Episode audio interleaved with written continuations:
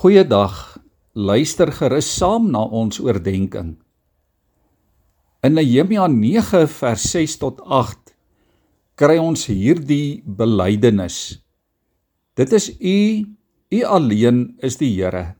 U is die Here wat vir Abraham gekies het en sy naam Abraham gemaak het. U het met hom 'n verbond gesluit en u het u belofte nagekom. U is betroubaar.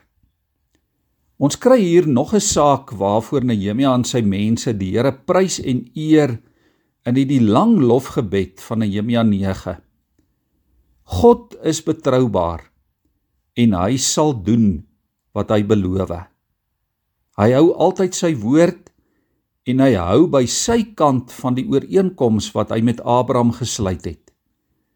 Die verbond wat God met Abraham gemaak het, het drie beloftes ingehou.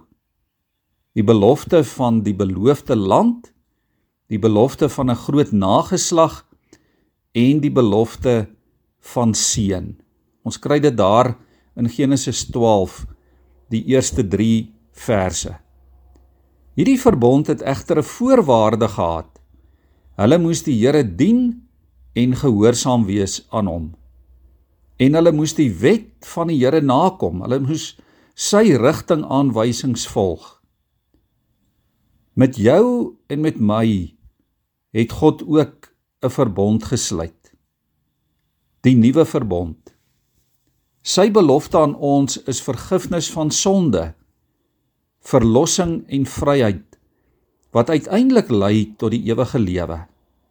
Die Here beloof dat hy sy gees in ons sal gee om ons te help en vir ons die koers aan te dui.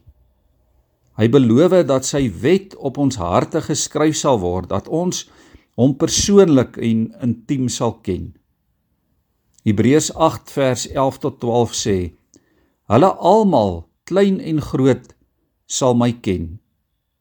Oor hulle ongeregtighede sal ek genadig wees en aan hulle sondes nooit meer dink nie.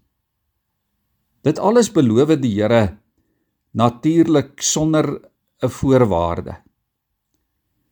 Die Here vra van ons gehoorsaamheid, maar die Here gee al hierdie dinge verniet en gratis aan almal wat glo. Dis sy belofte vir ons. En ons weet dat God beloof en dat hy sal doen wat hy beloof.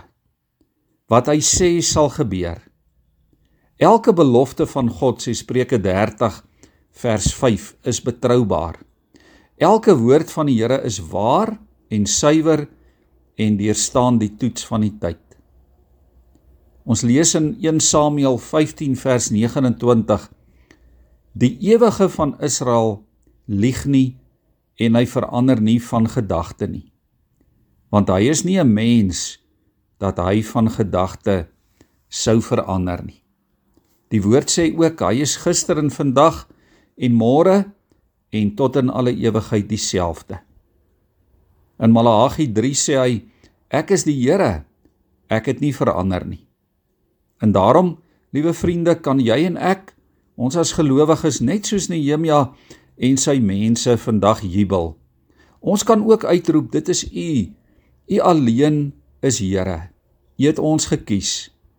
Ja, U het 'n nuwe verbond met ons gesluit en U kom U beloftes na. U is betroubaar. Kom ons buig ons hoofde voor die Here.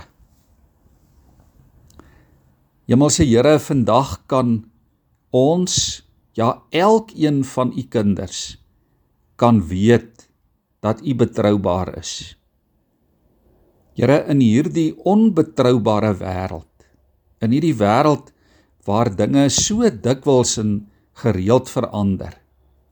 In hierdie wêreld waar dit so maklik gebeur, Here, dat beloftes gemaak word en goeie voornemens en dit dan nie gehou word nie. Here, ons het nodig dat daar iemand moet wees wat ons kan vertrou. En Here, u woord sê vir ons dat dat U die betroubare is.